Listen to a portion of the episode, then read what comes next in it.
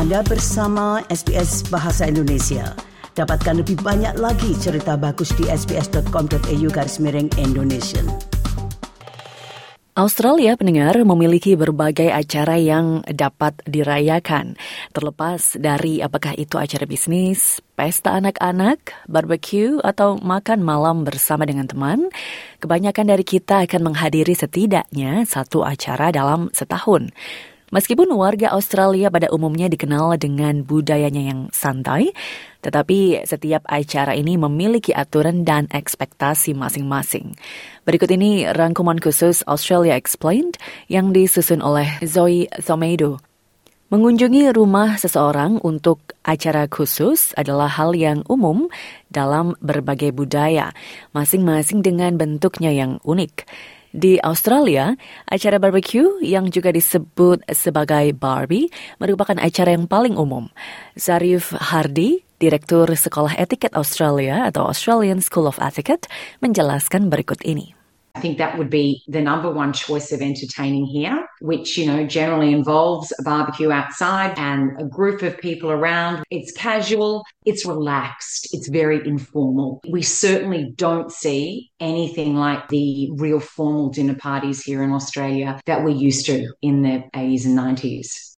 Meskipun pengalaman bersantap formal dengan aturan peralatan makan yang ketat ini tidak lagi menjadi hal yang lazim, etika masih memainkan peran penting saat Anda kedatangan tamu. Terlepas dari apakah Anda mengadakan barbecue di halaman belakang atau makan malam santai di dalam ruangan, menjadi tuan rumah yang baik ini sangat bergantung pada persiapannya, menurut Miss Hardy. To just make sure that when your guests get there, you can dedicate time to them. So you're not stuck in a kitchen or making things or setting tables to have everything organized, to have that, you know, drink ready to be poured, to give them a wonderful warm hello, to be able to mix in conversations, to introduce people together, to make whoever it is that you have invited feel very comfortable. Saat diundang ke rumah seseorang mendengar, Miss Hardy tidak menyarankan Anda datang dengan tangan kosong, kecuali jika memang Anda adalah keluarga dekat. Sam Sharma, pendiri dan CEO dari Overseas Students Australia, sependapat dengan hal ini. It's always polite to bring like a little gift when you're going to someone's house, a bottle of wine, a snack or dessert for the host. And it's also a good idea to ask the host as well if they would like you to bring specific things, maybe a meat or maybe drink or whatever, you know, might help them to organize their party because they're already hosting it. So that's a big enough job. You might make it easier for them by bringing some of those things. Hal-hal terkait sopan santun umum lainnya yang perlu diingat sebagai tamu, termasuk juga untuk tidak datang terlambat, memeriksa apakah ada aturan berpakaian yang diberlakukan, dan sebisa mungkin membantu tuan rumah. In Australia, arriving on time is very important for their party. Don't be too late, otherwise you'll miss out all the food. that could possibly happen. Um, dress code is another thing. So it depends upon the type of party you're attending. If it's a barbecue, casual catch up, then yeah, you don't need to dress up too formally. When you're at the party, it's good to help the host with the cooking, sometimes with setting up, even cleaning. If you can do that, that's always appreciated. And always thank the host, you know, before leaving. Tiba di Australia 17 tahun yang lalu sebagai mahasiswa internasional, Mr. Sharma harus mempelajari terminologi slang atau istilah gaul yang terkait dengan cara berpesta di Australia ini dari awal.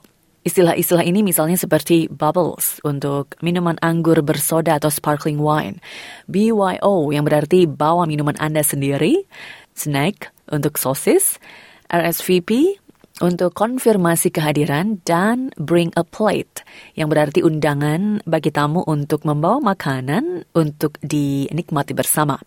Membawa hidangan untuk dinikmati bersama adalah satu hal yang sering dilakukan oleh Mr. Sharma, terlepas dari diminta atau tidak, guna mempermudah logistik catering bagi tuan rumah.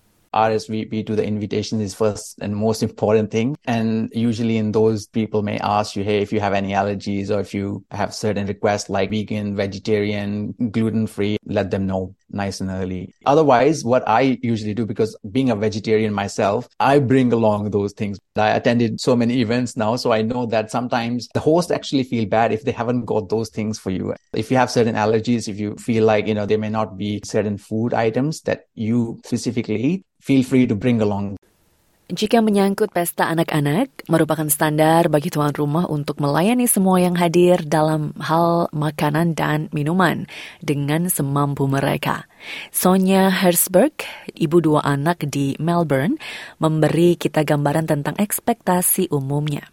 Do definitely provide food, for both the children and the adults. It's not frowned upon for the host to provide a celebratory beverage, so like sparkling wine, or for anyone who's pregnant or cannot drink some sparkling juices. Definitely ask for dietaries because it's so rampant these days. It's crazy. So you will generally provide something in the food that can cover all dietaries, and you'll have signage out. You make sure that the parents or the children know that that is what they may eat. Namun orang tua yang mengundang tidak perlu mengeluarkan biaya berlebihan. Ada pilihan sajian khas Australia yang cocok untuk pesta anak-anak dan harganya terjangkau, kata Miss Herzberg. Say, for example, you can just have fairy bread or you can go the other extreme and hire in all sorts of catering. It's varied and nobody minds. I've not experienced that anybody minds what you provide. And fairy bread, by the way, is an Australian tradition. It is hundreds and 1000s mm-hmm. which is those sprinkles that is put on buttered white bread and the bread is cut into diamond shapes. Otherwise, party pies, very traditionally Australian. Orang tua yang mengundang biasanya juga menyiapkan party bag, berisi hadiah-hadiah kecil yang bisa dibawa pulang oleh anak-anak sebagai kenang-kenangan dari pesta tersebut. Miss Herzberg menggambarkan apa yang ia siapkan untuk ulang tahun putranya yang berusia lima tahun sebagai contohnya. The theme for the party is Australian forest animals. So we have bought a little miniature magnifying glasses, colourful wooden pencil, and a blank card that they can write in themselves. We've got these little stickers that you can make your own faces. So it's like a little crafty thing they can take home and do, and then they'll remember the party. And of course, there's always something like a little sweet inside as well when they're past the age of three. So that's for the party bag.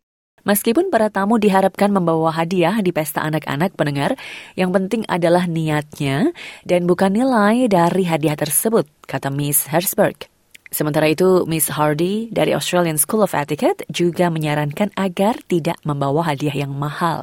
I think it is about that experience of opening something up But you do not need to be showing status or proving anything by buying ridiculously priced gifts. I mean, kids don't recognize this. And we also don't ever want other people to feel obliged to be doing that either. That's just bad manners. Namun, menurut Miss Hardy, ada satu jenis acara yang menerapkan etika yang lebih ketat, yakni pesta bisnis. Number one rule when it's anything to do with business is to remember it is business. So it's not a social event. Really watch your alcoholic consumption, particularly if it does affect you. Even your attire, it should be something that is appropriate. So no super short dresses or low cut frocks or shirts hanging out. And just make sure you're having polite, interesting, good conversations. You know, you're not talking badly about the boss or speaking poorly of others.